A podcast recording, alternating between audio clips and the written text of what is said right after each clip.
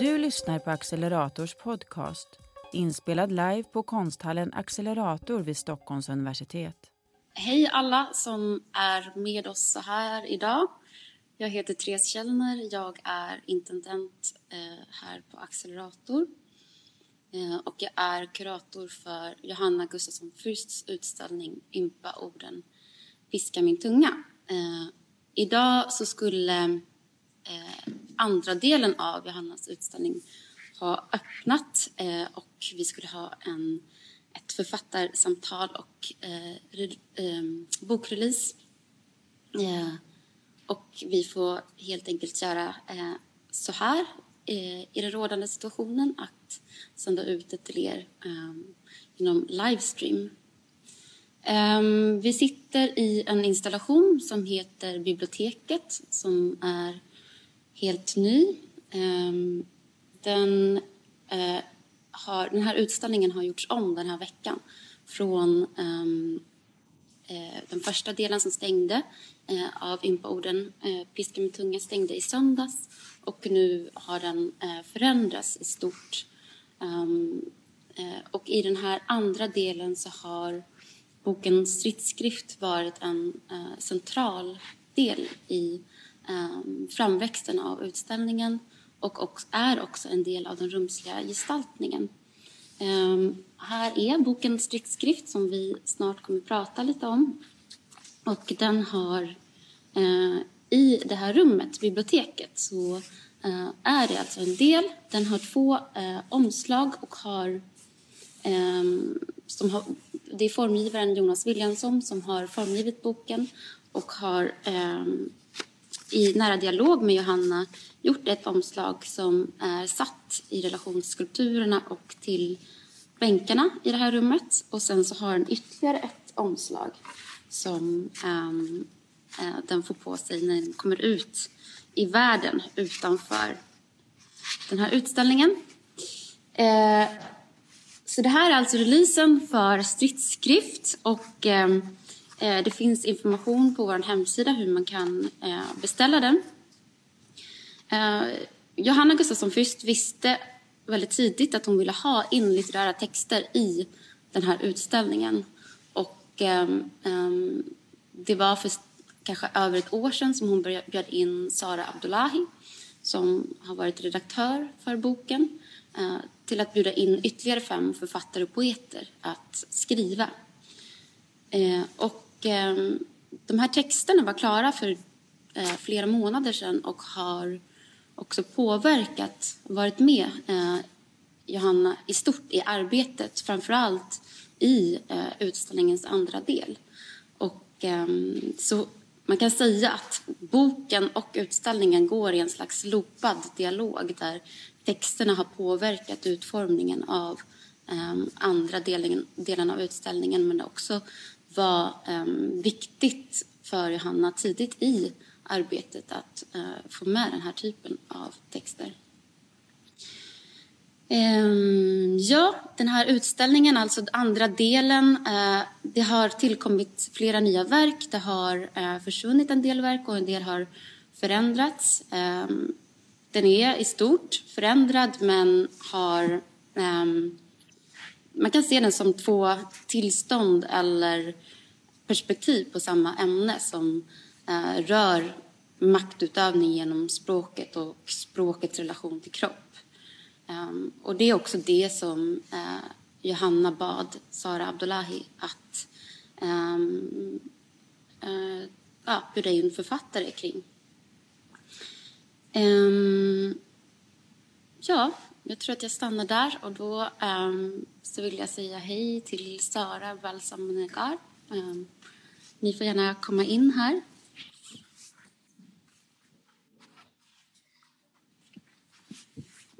Så dyker jag ut ur bild.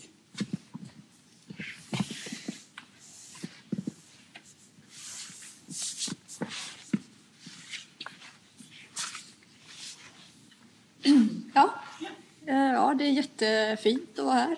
Lite skönt, kanske utan publik, men också att ha publiken där bakom. Eh, tack för att ni är här. Jag känner mig lite formell nu, men jag är inte så formell. Eh, Negaro Balsam, Negaro Nasio Balsam Karam eh, som är medverkande i publikationen. Eh, jag heter då som sagt Sara Abdullahi och har varit redaktör för publikationen. Eh, Innan jag kommer in att prata med er så tänkte jag bara kort säga varför jag ville göra det här. Eh, och min relation då till Johannas eh, konstverk. Eh, alltså, när Johanna kontaktade mig eh, och berättade att hon var intresserad av att eh,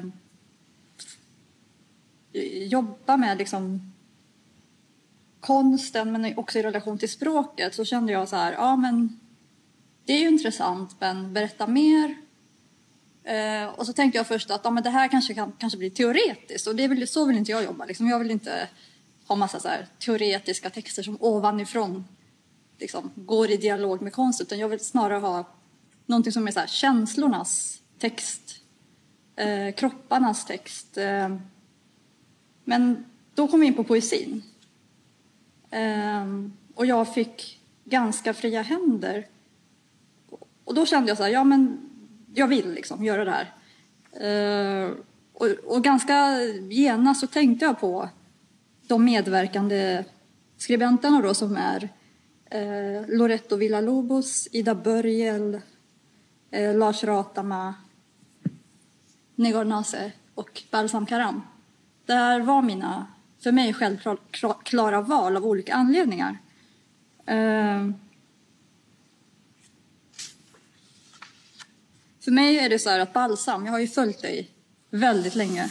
Alltså sen du, sen du släppte Händelsehorisonten som för mig är en liksom helt eh, omvälvande så här, samtida...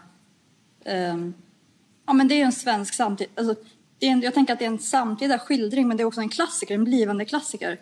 För att du liksom både genom ja, men ditt språk men också de rösterna som kommer till i boken bara gör någonting. Som du rör om världen och språket eh, utan att det blir så här pekpinnar ovanifrån. Det är mer så här Eh, det är subtilt. Men det, finns, det är uppfordrande att läsa. Och du Negar, jag har ju liksom läst eh, Under all denna vinter och din liksom... Eh, jag älskar din arbetsprocessdagbok som en del av den. För jag tycker att det är väldigt generöst att så här, dela med sig av ja, men de, som, de författarna som har inspirerat dig, att du åkte iväg och skrev och liksom inte tankar sådär. Och själva boken med den här mor och dotter-tematiken, den här komplicerade. Det är helt fantastiskt. Och de, det fördrivna är också helt... Ja, men, den här klaustrofobiska känslan som du skriver fram. Och ni, för mig är ni väldigt olika författare, men jag har liksom inspirerats väldigt mycket av er. Jag, jag är väldigt nervös. jag tycker om att säga det. Uh, jag tänker också så här att du är bibliotekarie också, Balsam. Ja. Ehm, och Negar, du är läkare också. Ehm, vill ni säga någonting om er själva innan jag fortsätter eh, mala på och ställa frågor? Nej, nej men det, det stämmer. Författare och bibliotekarie, kanske bibliotekarie främst. Mest. Ja, på vilket sätt? um, eh, jag känner mig kanske mer hemma i det än så länge. Uh, ju. Jag har varit det längre. Mm. Um, det är också på något sätt ett yrke som, eh, som kombinerar många saker som jag tycker om. Att jobba med människor, prata med människor ehm, och samtidigt att kunna vara behjälplig på de sätt som jag kan vara behjälplig. Eh, ja. Men, men liksom författare, också, eller så skrivandet i sig har ju varit jättelänge också med mig. Men jag är bara nyfiken, får jag fråga, ingår det lästid? Eh, ja, det ska det göra i alla fall. Ja. Alltså, det är ju absolut, och det är en del av omvärldsbevakningen. Liksom, att det är mm. ganska viktigt att ha, att ha någon sorts koll på eh, på ett sätt är det ju ny litteratur som det handlar om mm. främst. Mm. Men, men det kan också vara vad som helst. Och jag som främst jobbar med barn eh, måste ju läsa in mig eftersom det mm. man ju vanligtvis inte gör det som vuxen. Mm. Men det är ju ganska svårt att få in rent arbets, arbetstidsmässigt. Men hur många timmar per vecka? Det vet jag inte. Alltså jag tror att det finns någon officiell grej, men eftersom det, var så, det är så få som följer det med tanke på att det, arbetsbelastningen är så hög så är det liksom, då måste man ta sig det ändå. Men det, det ska finnas, det finns liksom någon, eh, någon beräkning och sådär som såklart inte är någon, någon regel eller så. Det är Mm. olika, men Bara en sista fråga. Har ni något rum för det då? Det är ju också jättebra. Vi brukar, eh, alltså tidigare så tror jag att det har funnits eh, sådana lokaler på biblioteket, eller åtminstone någon lokal som är mm, alltså, som är någorlunda skapad för det så att man inte, så att man inte måste ta hem det på något sätt. Nu är det ju mest ett eh, vilrum som också är ett förråd. Okej, ja. ja. Ah. Så att jag menar det där, ja. det, den Det utvecklingen låter tror jag. ungefär som man tänker sig. Ja, det är lite som man tänker sig. tror jag. ja. Negor, vill du? Ehm, ja, precis. Eh, jo, men läkare och författare. Jag försöker liksom jobba på att säga att jag är författare och inte bara liksom, bara, inte bara skriver. Utan jag försöker verkligen säga att det, det är också ett yrke och en verksamhet för mig. Men eh, det har tagit två böcker innan jag började säga det. Liksom.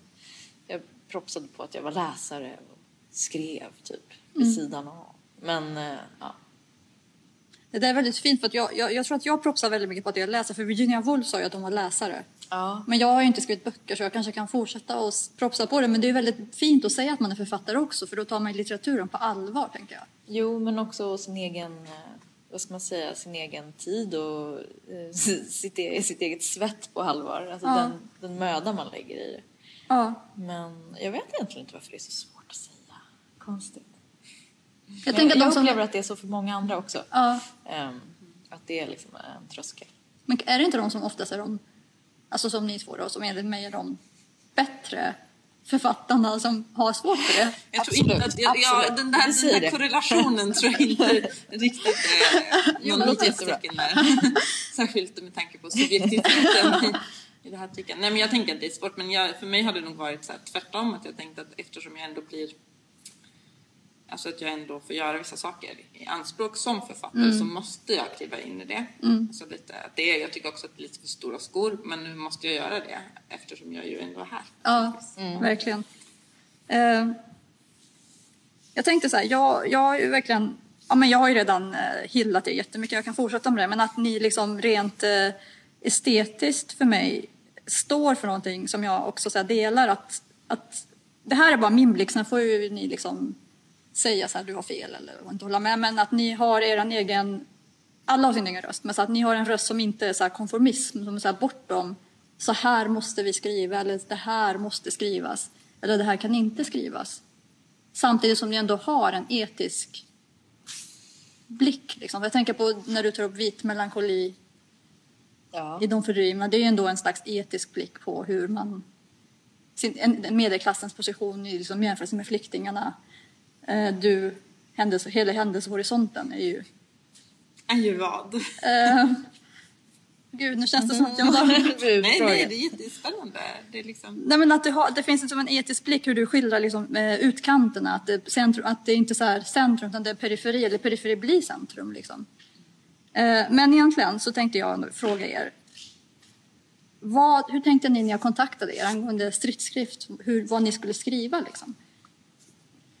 Men jag kommer ihåg tydligt att jag tänkte att... ehm, eh, för man, visst fick man som ett rätt långt brev där det stod om eh, utställningen och så. Och så kommer jag ihåg att jag tänkte, ja men absolut, det här kan säkert eh, på något sätt typ kopplas till det jag håller på med eller vill tänka på. Ehm, och att jag tänkte väldigt sådär att ja, men jag skulle gärna vilja liksom försöka skriva lite mer essayistiskt eller teoretiskt och typ kanske försöka utveckla den sidan av mitt skrivande. För jag gör inte det och jag tänker inte så. Jag håller inte på så. så här. Och så... Och sen direkt så började jag och så kändes det supersegt och att jag liksom inte alls fick kontakt med den texten. Och, varför då?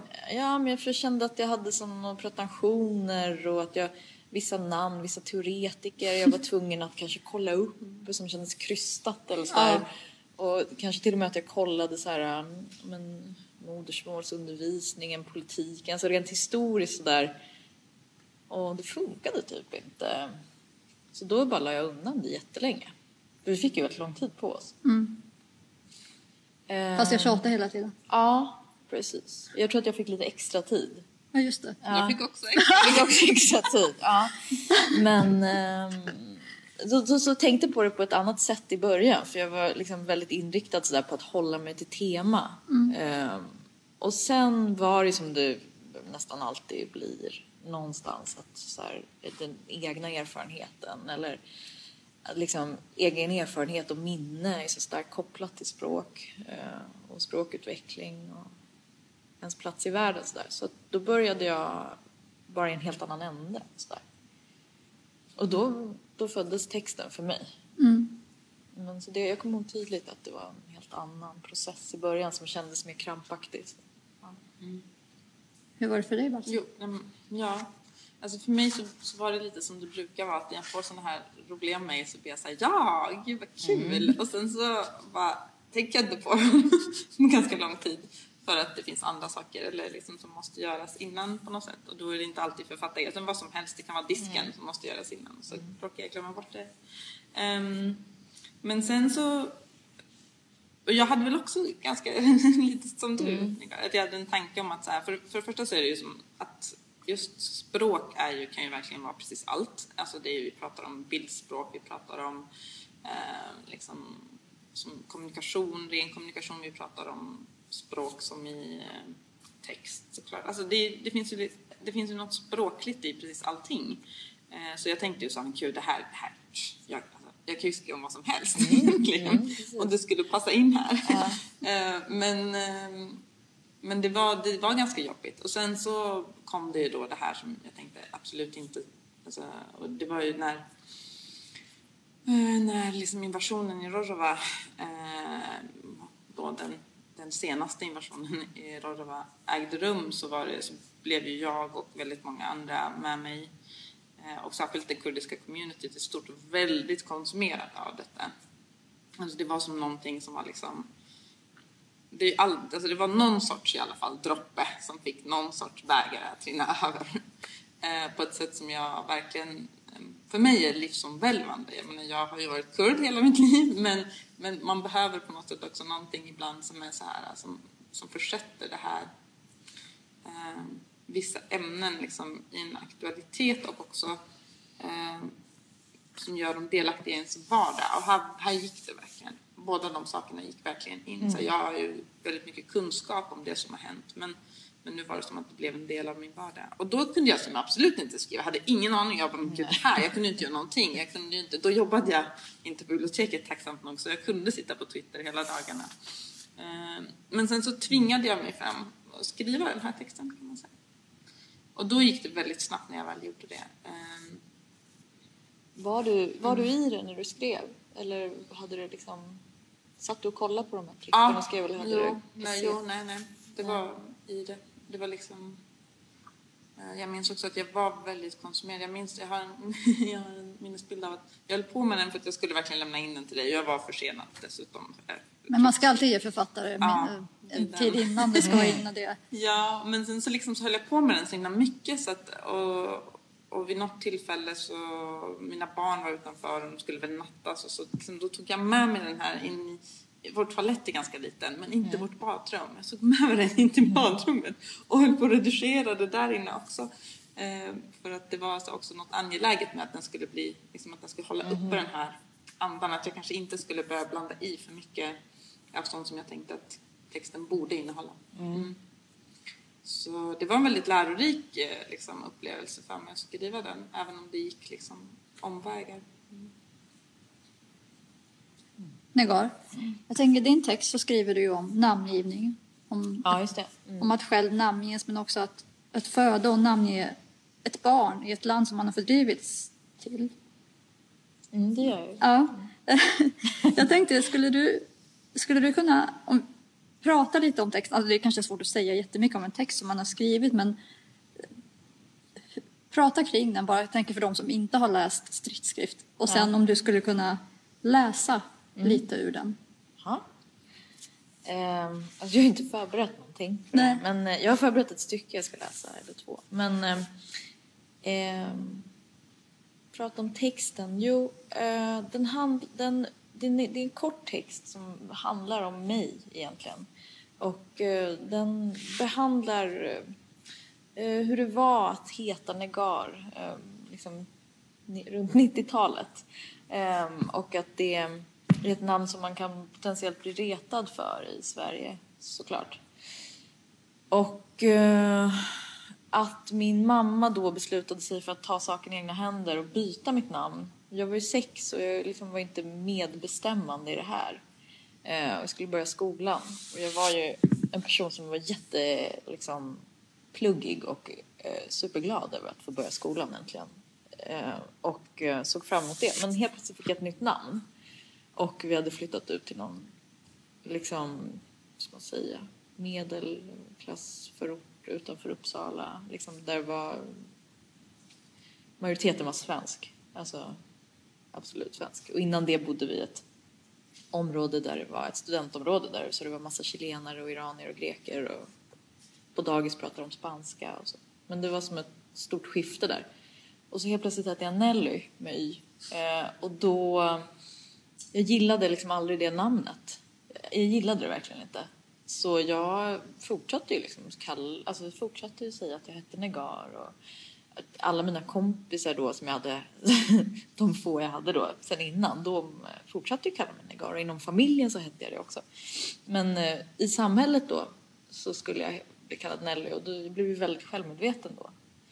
Ehm, och sen eh, handlar det väl lite om att det egentligen spelade mindre roll vad jag hette. Ehm, och mer roll, kanske hur, större roll, hur jag såg ut och hur jag betedde mig och min annorlundahet kanske kom fram ändå. Bara genom att jag, ja, genom min kropp och genom hur jag förde mig och sådär. Även mitt språk, språk var ju rent svenska. säga. Ehm, ja, så då, då togs det igenom i, istället ändå liksom. Att jag blev, eh, jag blev liksom, i efterhand har jag fattat att jag blev ju liksom retad och sådär. Då, jag brydde mig typ inte. Jag kommer ihåg det. Jag var väldigt så här, självsäker när jag var liten. Så red, alltså jag, jag kände mig rätt lugn. Men jag har fattat sen då att de bröt upp så här, toadörren och kallade in grejer. Och typ, jag hade bara en kompis där. Jag gick i låg och mellan där. Jag hade bara en kompis och hon var chilenare. Och vi blev liksom beskyllda för typ så här, när de hade sprayat skolan. Vi var ju, vi var ju typ nio, jättepluggiga båda två. Vi blev beskyllda för att ha gjort det. Alltså det var, det var jättemärkligt. Eh, men sen i efterhand då har vi fattat att det var väl typ någon form av mobbing sådär. Men eh, så sen fyllde jag 18 och då bytte jag själv. Bara direkt. Det var jättelätt. Jag kommer ihåg att det kostade 800. Eh, och det var typ det jobbiga med det. Men sen bytte jag och så, sen har jag inte tänkt på det så mycket sen dess. Förrän jag då skulle få eh, ett barn. Och jag ville liksom att hennes namn ändå skulle innebära eh, en koppling till det persiska och till det språk som jag ville ge henne. Då började jag tänka på det. Och så kom den här liksom, eh, texten då, själva skrivandet i ungefär samma veva. För du skrev i mejlet att det här var den mest personliga text du hade skrivit. Ja. Fint att du delar med dig av den. Ja. Varsågoda. Nej men det känns bara bra. faktiskt. Ja. Skulle du kunna läsa ur den? Ja, just det. Mm. Jag vet inte om det blir för långt men eh, vi kan ju inte klippa heller men jag vet inte. Men kör som du tycker. Ja. Verkligen. Ehm, Vi bestämmer helt själva. Ja, okej. Ja. Men det är två stycken då som jag slagit ihop. Och Den heter Vinden slår. Eh, mitt namn blev Negar Nase. Negar är ett utbrett namn i Mellanöstern, finns i flera av kulturerna. Det är ett åldrat namn. Det bär på åldrad mening. Negar, min älskade. Min mamma bytte mitt namn när jag var sex år gammal. Ändrade det officiellt via Skatteverkets register till Nelly med Y. Jag önskade inte det namnet. Jag önskade heta Negar. Och för mitt inre hette jag även i fortsättningen Negar. Herta Müller beskriver i boken Kungen bugar och dödar en skillnad mellan högtyskan som lärdes ut i skolan och hennes modersmål rumänska. På tyska och på svenska säger man vinden blåser medan man på rumänska och på persiska säger vinden slår eller badmisene på persiska. Hon beskriver vidare hur det rumänska är mer levande. Nästan varje mening har en annan blick, skriver hon. Och jag minns hur jag som barn reagerade på just skillnaden i att beskriva vinden, vad den gör. Mizane, den slår. Vinden gör illa mig och andra. När jag blev vuxen ringde jag Skatteverket, fick en blankett hemskickad, fyllde i, betalade 800 kronor och blev av med Nelly med Y. Södersjukhuset förlossningen en tidig morgon 14 september 2018. Jag är 10 centimeter öppen. Den första barnmorskan har avslutat sitt pass för nästan åtta timmar sedan. Den nya barnmorskan, den tredje i ordningen, som ska ta hand om mig och som kommer bli den som förlöser min bebis, har nyligen gått på sitt pass. Hon har fått rapport från sin avgående kollega och med ny morgonenergi kommer hon in i rummet och säger Så Nelly. Verken sprider sig i kroppen. Jag försöker andas mig igenom den. Orden från kursen Föda utan rädsla rinner igenom mig. Ned, mörk, tung, mumlar jag med en dov, djurisk röst. Men Nelly med Y stör så pass att jag måste avbryta mig och säga Negar, jag heter Negar. Och hon hakar på med förlåt i blicken. Jag orkar inte med hennes förlåt i blicken. Jag har nog nu. Hon säger mitt sanna namn, så Negar, men uttalar det fel. Negar. Men bokstäverna är alla där. De är i rätt ordning. Som Sisu skriver, hur undgå insikten att en kropp alltid är föremål för inskrifter, att köttet skriver och är givet för att läsas och för att skrivas. Efter ett drygt dygn av förlossning och verkarbete så kommer min ava. Och det första jag säger till henne är Amadi, du kom. Men med ett A längre bak i munnen och ett E i slutet blir det istället Amadei. En fråga. En fråga om livet kanske, eller en fråga ställd till mig själv. Det blir Är du redo? Hennes mörka blick gav mig svaret medan den sökte ljuset. Mm. Jättefint. Mm, tack. Jag ryser. Ja. Balsam, mm. vad tänkte du när du hör Negars text? Är det någonting du känner igen? Ja, absolut. Den var helt fantastisk. Jag har läst den redan och det var jättefint att höra dig läsa den. Nej men absolut, ja, och jag kan ju inte ens... alltså Balsam är ju... Uh, det är ett speciellt namn. Det är ett speciellt namn överallt. Alltså det är ett ganska, inte så jättevanligt namn.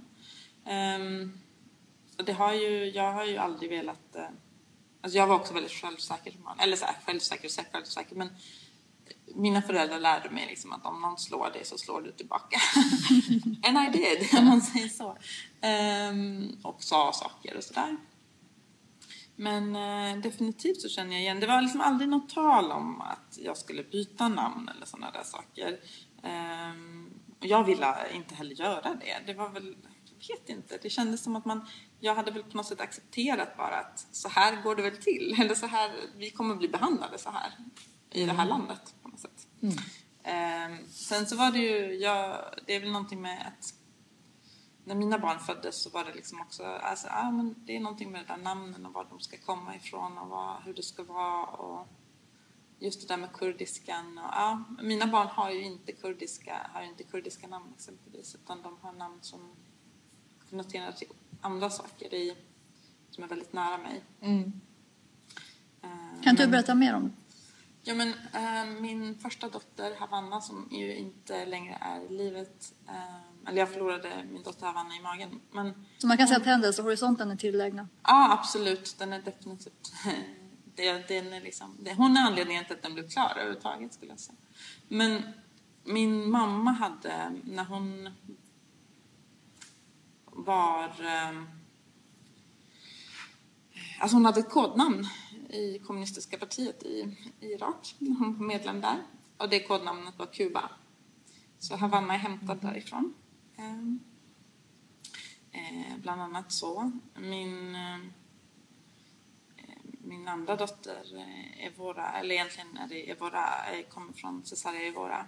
Mm. För att vi lyssnade väldigt mycket på Cesaria Evora när vi var gravida. Vem är det? Jag vet inte om det är. Eh, en fantastisk sångerska. You got, you're in for a treat om du inte har hört henne. Hon är inte heller längre i livet. Men när vi var gravida med Havanna så... Alla mina barn har också Havanna som andra namn. Och sen så heter min, eh, min tredje dotter heter Lorca.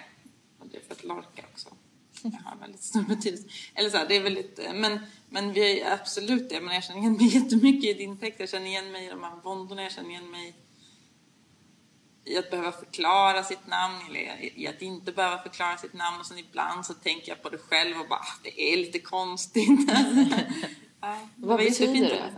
Men balsam är ju liksom, det betyder, det är det som är helande för själen. Mm. Jag var, jag en liten jättekort anekdot, så en gång så hade jag fel inrese och då utresedokument när jag var i Bagdad eh, för några år sedan. Eh, alltså jag hade, jag hade kommit in genom Kurdistan och sen skulle jag resa ut genom Bagdad. Och det fick man liksom inte göra. Mm. Om man inte hade visum. Och då liksom gjorde jag en protest, allt som, allt som feministiska och socialistiska rörelsen har lärt mig. Jag satte mig på golvet och bara nej, jag, jag kommer inte för de var bara såhär, åk tillbaka, gå tillbaka liksom. Jag, jag vill hem. Satt mig på golvet, gjorde värsta grejen och de var tvungna att ta in mig i ett rum och så blev det så här tumult och så. Men så till slut så, så gick de med på att, att låta mig resa. Och det här var ju Saddam Husseins gamla, gamla flygplats. Och då sa han, han bara, han bara, vet du, du vet ditt namn? För det, är ändå, det finns ändå folk som heter Balsam i Irak. Jag bara, ah Balsam, så han bara, eh, vad betyder det? Så jag bara, men det är balsam för själen. Han bara, nej, han bara, du är ett sår. Du är ett sår. Åk mm. tillbaka. för att han tyckte att jag hade varit så jobbig. så det är motsatsen till sår. Ja, okej. Okay. Mm. Och vad, är det, vad kommer det ifrån? Det är latin. Ja, okay. mm. Jag vet. Mm. Men jag känner så mycket igen det ni säger om namn för att mina föräldrar ville att jag skulle heta Sara för att det är ett internationellt namn. Mm. Men ännu idag, även om det är ett internationellt namn och jag pratar så kallad ren svenska, alltså jag är väldigt skeptisk till begreppet ren, men då kan folk så här, säga så här, men heter inte du Zahra? Aha. Det är för att hur man ser ut liksom. Ja, det är ju så. Ja. Balsam. Din text eh, handlar ju om avstånd. Alltså, det här är bara min blick. Ni får liksom... Mm. Jag är inte Gud. Som delvis då skapas genom språket. Hur, vad eh, och vem man pratar med och kanske till, liksom, till vem, med vem man tilltalar. Och hur. Men också så namn, vilka namn som är förbjudna och raderade. Eh, kan du berätta om din text och sedan läsa för oss? Ja, jag ska bara kort. Um, Se vad den heter också. Ja, den heter avståndsmätning tror jag. Ja, det, det gör den. Mm. det, det brukar alltid vara svårt det där med namn. Um, som sagt. Jo, men den handlar helt enkelt om eh, någon sorts förfrämligande som man kan uppleva. Eh, alltså när, för mig, alltså när eh, det påstås att språket inte räcker till för att beskriva vissa saker. Exempelvis förbrytelser. Mm. Och hur vi då, eller jag i egenskap av skrivande och författare eller vad man ska säga, alltså ändå umgås väldigt mycket med språket och med andra som umgås med språket. Och varför liksom... Det är en ganska ilsken text som ifrågasätter varför språket inte räcker till i vissa stunder, men räcker till i andra stunder, helt enkelt. Skulle jag säga. Och som har utgångspunkt, eller som verkligen är liksom, har utgångspunkt i den här senaste invasionen av Rojava. Är den ilsken? Alltså jag läser mer så som nervig och ganska så här... Jag tror inte jag läser den som ilska, jag tror jag läser den som väldigt så här krävande. Alltså den som läser måste se någonting. Mm. Ja men det är bra. Jag, jag tänkte mm. att det var ilskan mm. på något sätt för att den kändes som det lite. Men ja, ja, ja jag, kan, jag kan läsa lite grann. Mm. Det ser fram mm. Det är ju som ja. mm.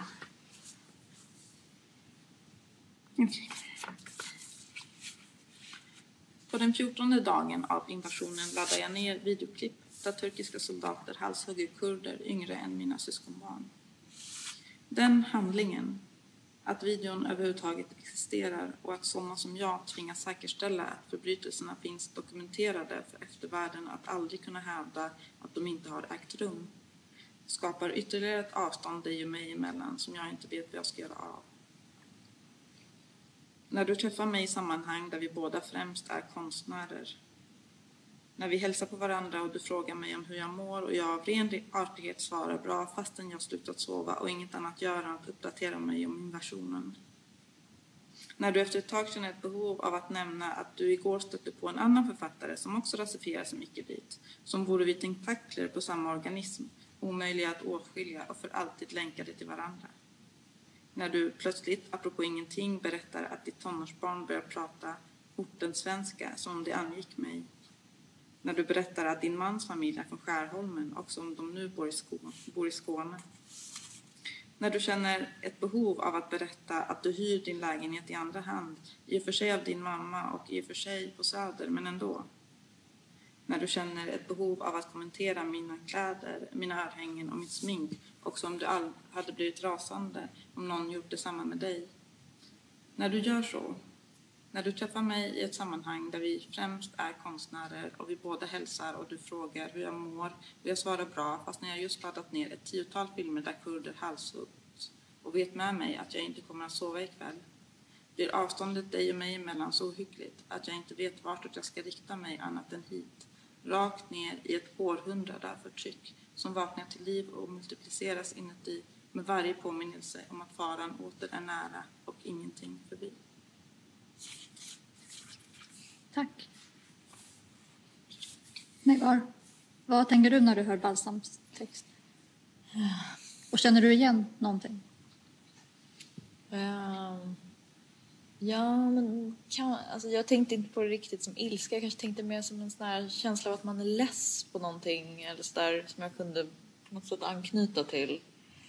Liksom en här pålagring av grejer som man till slut kanske tröttnar på.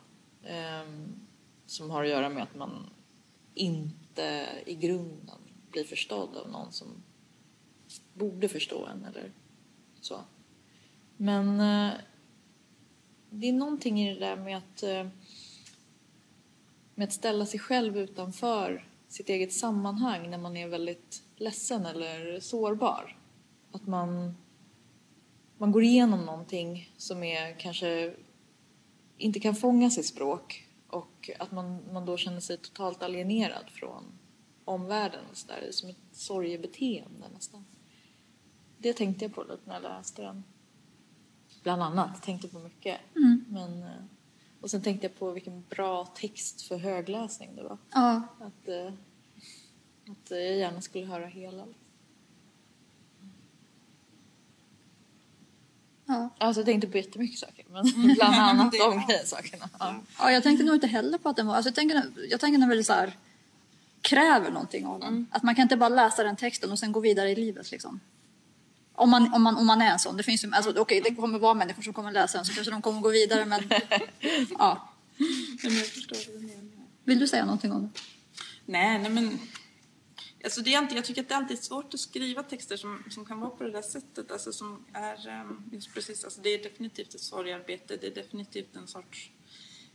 Um, nu är saker och ting, nu finns det en punkt av ingen återvändo på något sätt. Och det är väl det som också de här klippen också är, eller blir mm. på något sätt. Var ska vi ta vägen efter det här? Alltså, och då menar jag inte bara de här klippen utan allt vi ser som händer liksom nu för tiden. Bara allt som har hänt sedan dess också eh, när mänskligheten på något sätt, man kan se den krackelera på något sätt. Eh, och det är alltid svårt vad, vad de texterna gör i rum. Men jag har som nästan, jag är, tack, jag är ganska glad över att jag inte tänkte på det innan jag skrev. Att så här, vad gör den här texten i det här rummet? Är den för futtig? Är det inte alltid för futtigt att skriva om de här sakerna? Alltså, att jag, jag tror att det är just de olika tveksamheterna som också kan hindra människor från att skriva om förbrytelser. Vad menar du? Alltså att man hela tiden, alltså på något sätt, om man, om man idag, om man redan från början accepterar att texten eller språket aldrig kan fånga in för en förbrytelse i sin helhet exempelvis, då kanske man åtminstone kan sikta att komma ganska nära, mm. eller närmare. Men att om, om tanken är att man ska, eller om man alltid vill, antingen så ska det bli allt eller inget, då kommer det väldigt ofta bli inget. Och det skapar en sorts ensamhet. Ja. Men jag tänker att alla de här texterna på något sätt också kan bära vittne. För jag menar, den här utställningen kommer ju tas ner. Men de här texterna kommer ju bevaras. Och det kan ju vara ett sätt att föra vidare liksom. Ja, men, språkvåldet eller förbrytelserna eller att, att bli den andre liksom. Mm. För det tänker jag egentligen att många av de här texterna handlar om på olika sätt liksom. Mm. Mm. Eh, ser ni själv några ledtrådar mellan, mellan era två texter? Mm.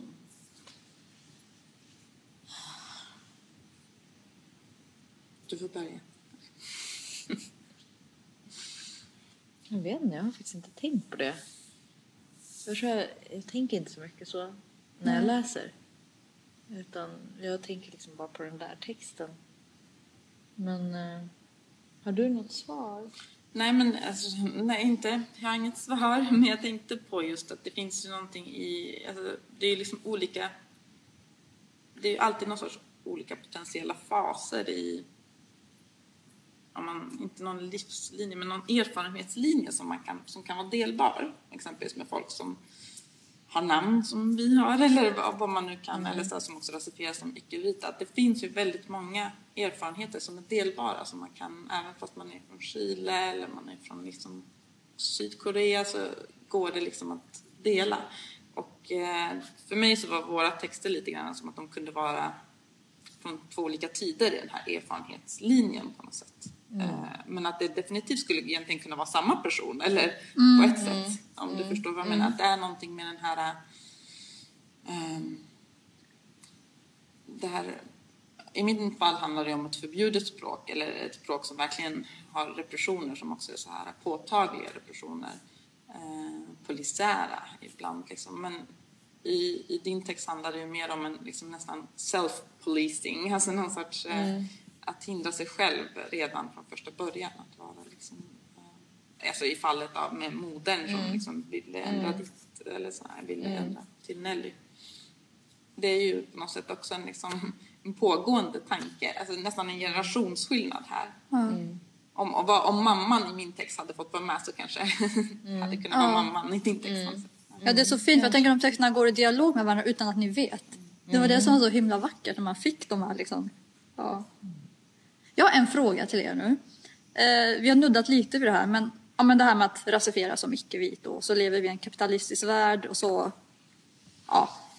Men hur tänker ni kring det här med att för Adorno, Theodor Adorno som jag då älskar, jag älskar döda europeiska mm. män, jag kan inte hjälpa det.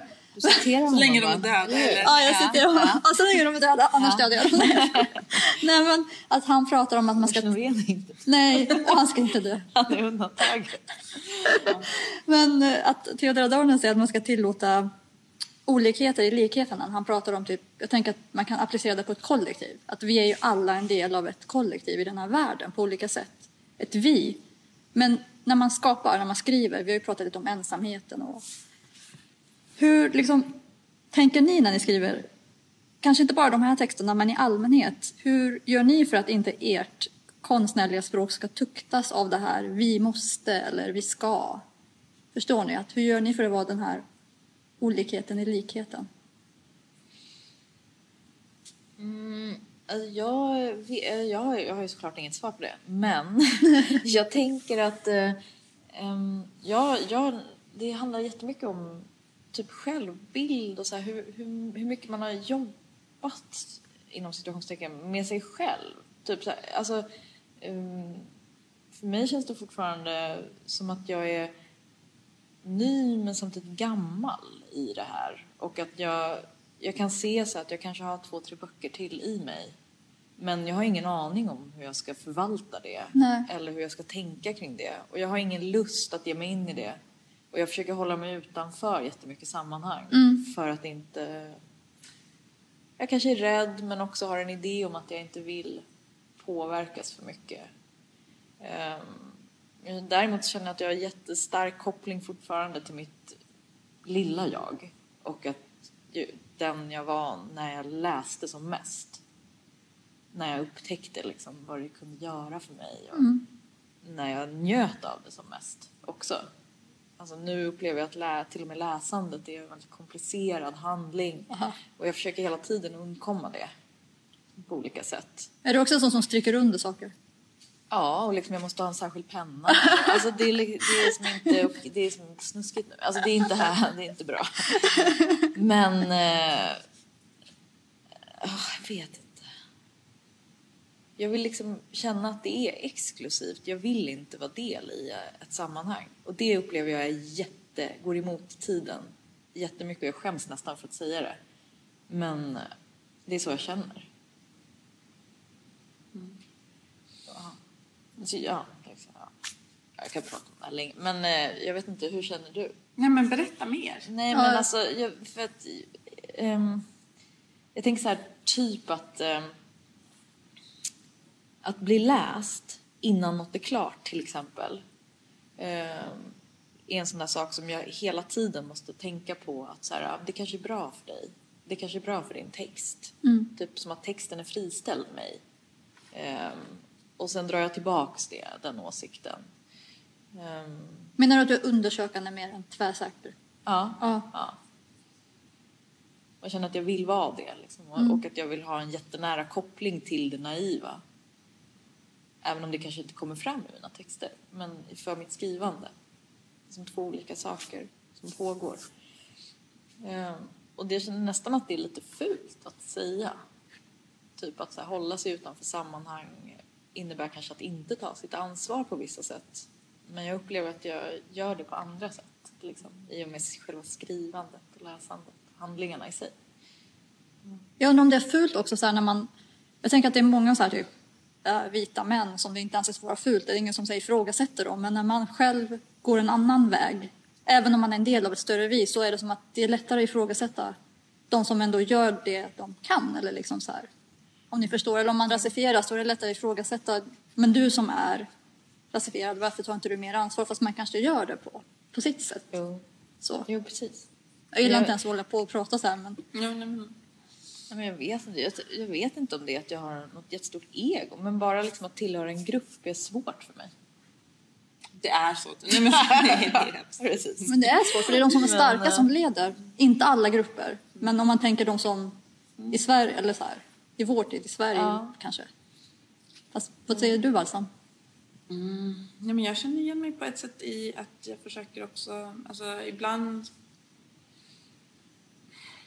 Alltså, det finns väl ett väldigt stort behov för mig, tror jag, att, att omge mig med de texter som har varit väldigt viktiga för mig länge. Ehm, att tidigt kanske så var de läsupplevelser. Liksom. När jag läste dem i tonåren så var de så här stora saker som jag, jag förstod saker om, ting om dem då och nu förstår jag mer och mer när jag läser om dem. Ehm, men att också någonstans när, när det blev tydligt att jag ändå skulle bli författare liksom. Jag har ju blivit läst enormt många gånger exempelvis på skrivarskolor och sådär. Ehm, att då började jag också läsa dem på lite annorlunda sätt. Men de är fortfarande enormt viktiga för mig. Och de här texterna är som vänner som liksom säger åt mig att så här, men kom ihåg att det där är viktigt. Kom ihåg att det här är viktigt. Glöm inte bort detta. Glöm inte bort detta. Liksom. Och de funkar på olika sätt. Um, vissa texter inspirerar mig rent liksom språkligt. Alltså så här, alla texter inspirerar mig språkligt. Alltså språk, som sagt, varje språk. Men alltså vissa texter menar jag så här att jag tycker om bara hur man har satt ihop liksom meningarna. Det ljudliga i det. Att, att läsa det högt. Eh, vissa texter är helt, eh, inspireras jag av hur att man kan ha en hel sida med bara en mening. det är enormt inspirerande ibland. Alltså, andra texter är det ämnet. Eh, alltså rent liksom så här, hur var ansatserna på. Och vissa texter, de flesta texter kombinerar allt det här. Fast på olika sätt. Vissa är liksom romaner, vissa är essäer, vissa är rent teoretiska texter. Och vissa, väldigt, väldigt många är poesi. Jag läser nästan mest poesi. Um, och de är som mina kompisar, alltså verkligen som mitt gäng. och det är där, så här, det är hos dem som jag kan, som, som får mig liksom, vad heter det, walk the line. Uh, och inte gå utanför det.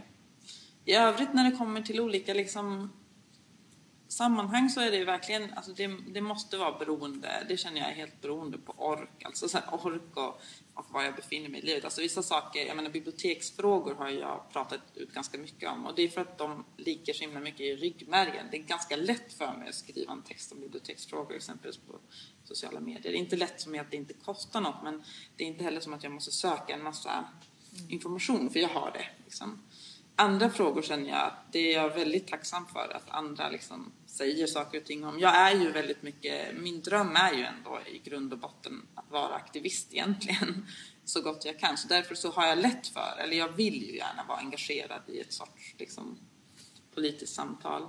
Men det känns som att du är det på ett sårbart sätt. Ja, men för att jag ju inte är den typen. Alltså jag har ju också förstått att jag inte kan vara den typen av aktivism. Alltså ja. Jag har ju för mycket trauma för att kunna stå längst fram i ja. barrikaden. Alltså så är det ju. Jag, jag, klar, jag, exempelvis när det var, när, när liksom alla, eh, när det var som mest liksom flyktingar som kom till centralstationen i 2015 så var jag ju där i 12-13 timmar och liksom tolkade på tre språk. Men jag kände ju mig som en trasa efteråt. Alltså det gav, alltså, för att jag, det var för nära inpå. Alltså det var alldeles för nära inpå fastän vi liksom flydde. Alltså då hade jag ju varit i Sverige i 25 år. Liksom. Mm. Mm. Så att på något sätt så måste man ju också respektera det. Att det där sättet att vara på barrikaderna så som det visar sig är ju ett väldigt vitt och normativt sätt. Alltså. Mm. Och det är, för mig är det absolut inte det sätt som måste vara det sätt man... Alltså man måste kunna också se vad man orkar och klarar av. Mm. Särskilt om man har olika typer av trauma. Mm. Men, men äh. tänker du på liksom teoretiska samtalet också som en form av aktivism? Alltså blir, blir... Absolut, nej men absolut. Jag tänker liksom att på något sätt så, alltså det finns ju såklart jättebegränsat vad, hur mycket man själv kan bidra med. Jag upplever ibland när jag blir tillfrågad så att jag tänker så nej men herregud alltså. Jag skojar du? Det måste ju finnas 150 bara personer som jag kan komma på som kan mer om detta än vad jag kan. Men där måste man ju också, liksom också vara så här, mer, vad är mer, eh, handlar det, kan det handla om någon gång om ett perspektiv, alltså i det teoretiska mm. samtalet, alltså liksom att det där perfektionen eller den här att alltid liksom ja men ja, det där perfektionen, antingen så är jag rätt person eller så är jag absolut aldrig någonsin med. Den tror jag har jag också börjat släppa på lite. Mm. Um, och istället tänkt att jag kan bidra med någon perspektiv i vissa samtal. Teoretiska mm. samtal, mm. Eh, politiska samtal eller mm. sådär. Men såklart måste man ju alltid hålla fötterna på jorden. Mm. Eh, det finns också ett, makt, eh, ett stort maktproblem liksom, här. Jag vet inte om det var, det, men, men så. så mm. Ja. Mm. För jag tänker precis som du, att sammanhang, olika sammanhang eller att vara, vara ute, vara här exempelvis mm. kan ju påverka en skrivande. Mm. Men jag försöker tänka att om jag någon gång har känt att jag vill vara här så måste mm. den påverkan ändå vara bra på något sätt. Mm. Alltså den har, den har kommit liksom Sen kan den vara jobbig. Den kan vara jobbig att hantera. Den kanske säger någonting om ett skrivande som jag inte orkade med. Men egentligen i det långa loppet är det bra. Mm. Men så tänker jag också kring det. Uh, jag tror det är uh, eh, sista frågan, va? Uh, ja, det är åttonde. Okej. Okay. Uh, ja, men jag, jag tänker på Johannas uh, pågående, alltså utställningen del 1 och del 2 som så här centrumlösa. Det är så här hela tiden någonting som är pågående, rätt så fragmentariskt. Nu kommer det här låta flummigt men man måste läsa stridsskriften för att för att förstå vad jag menar. Men det här stammandet och sökandet och undersökningen. Och det tänker jag också lite om stridsskrift, att det är ingen som är tvärsäker i den här. Det är ingen som så svarar på frågor. Man ställer ju frågor. Mm. Uh, det jag skulle vilja avsluta med att fråga er då, det är, är det någonting i ert skrivande ni själva inte förstår? Förlåt. Men jag kan svara jättelätt. Ja. Det är jättemycket i beskrivande som jag inte förstår. Ja, men säg det lite. Nej, men alltså det är verkligen supermycket. Alltså det är, jag upplever att det är väldigt ofta en väldigt så här väldigt känslomässig process. Alltså jag kan ju liksom se någon, en person göra någonting. Jag sitter ju oftast och skriver i Skärholmens galleria på ett café där i mitten vid gallerian. Um, som kallas för båten? Jag kallar den Jag trodde båt. det var att du åker båt. Jag kallar den båten. Vilket? Caféet eller? Mm, ja, den heter inte båten. Nej, okay. ehm, Utan den är, det är liksom en övervåning fast det liksom ligger mitt i en gång. Så det är ganska öppet så här. Och där kan jag liksom se någon, jag kan, jag kan se någon promenera på något sätt och sen kan jag se den promenera en gång till och så förstår jag att så här, men den promenerar här inne för att det är dåligt väder. Och det, då kniper mitt hjärta liksom bara sönder så här. Och så tänker jag det här vill jag skriva om. Så kan det vara. Du ser människan. Ja, det vet jag inte. Men jag, alltså det, är sån, det är så pass dunkelt att det verkligen bara är så här, åh, gud, det här måste jag skriva om. Att man promenerar runt i en galleria liksom för att man har, att det är så fruktansvärt dåligt väder i det här landet. Liksom. Eh, Så det är extremt mycket som är dunkelt. Extremt mycket som är dunkelt. Ja, precis. jo, men mycket, mycket, mycket som är dunkelt. Ehm, jag gör ju alltid på samma sätt ändå, lite. Ehm, så att jag skriver alltid en skrivdagbok parallellt. Så jag känner... Är du alltid det? Ja, alltid. Så Jaha. Vi måste ha publicera alla. Ja, det måste Ja, du verkligen. Nej, jag tror inte jag kommer göra det. Men, men, jag, men det gör jag. Så att jag. Det är som att jag tänker jättemycket på det jag tänker på. alltså, så jag håller på och försöker fånga det i stunden men känner att jag inte gör, kan göra det bra nog. Men eh, Snälla publicera alla. nej, alltså det är inte kul tror jag. Men eh, jag försöker tänka på om man kan typ närma sig sitt skrivande på något sätt. Eh, jag tror liksom att en nyckel är att läsa jättemycket. För att även förstå sitt eget skrivande. Liksom. Det är som ett jättetråkigt sätt kanske, eller ett svar. Jag har egentligen inga svar men det är som min hjälp. Eh, är det. Annars blir jag nästan alltid förvånad. Liksom jag, jag har svårt liksom för till exempel handling, att bygga och skapa handling. Jag tycker det är jätte, en märklig process. Liksom. Och jag har svårt att minnas handling. Som jag läser en bok som jag tycker mycket om och som har påverkat mig mycket så kan jag ändå inte riktigt redogöra. Nej. Sådär. Det känns som att det är en, någon del, någon koppling i associationerna som är lite borta. Eller sådär. Ehm, och då, när jag, skri, alltså, när jag skriver om det jag har läst så förstår jag det lite mer. Då. I stunden. Sen vet jag inte om det fastnar. Liksom. Jag tänker att den är, det, ni är väldigt, det som jag upplever det så är ni väldigt bra på att skriva fram stämningar på, på, på era olika sätt. Ja, men det tycker jag är som en helt annan grej. Ja, det är inte så mycket, alltså det, jag tycker ändå att det finns handling i själva språket och i stämningen men det är ju Ja. inte så här, ju- först händer det här, sen händer det här. Det är inte så liksom. Nej. Nej, precis. Men jag tänker att något som förenar är att det finns ett driv. Liksom. Ja. Att skapa en stämning och kanske föra en berättelse framåt via handling är som... Det finns ett driv i det eh, som kanske är lite liknande. Ja. Men eh, det ena fastnar och det andra på något sätt går vidare.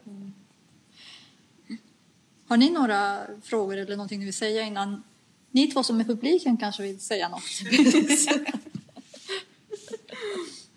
Men jag tyckte det var jättefint. Det är väldigt fint att kunna få göra det här. Som, här. Ja. Ehm, Jag känner också lite att jag kanske inte frågar allt jag vill fråga men jag... vi pratar. Vi Vi pratar. Jag, ja, jag pratar också mycket. så det-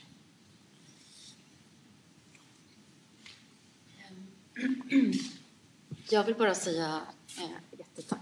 Så här till framförallt till er tre. Jag är så eh, eh, glad att vi kunde ha det här samtalet nu. Eh, trots allt som är just nu. Så super, super tack till er att ni kom hit idag. Tack att vi själv. kunde sända ut det så här. Ja.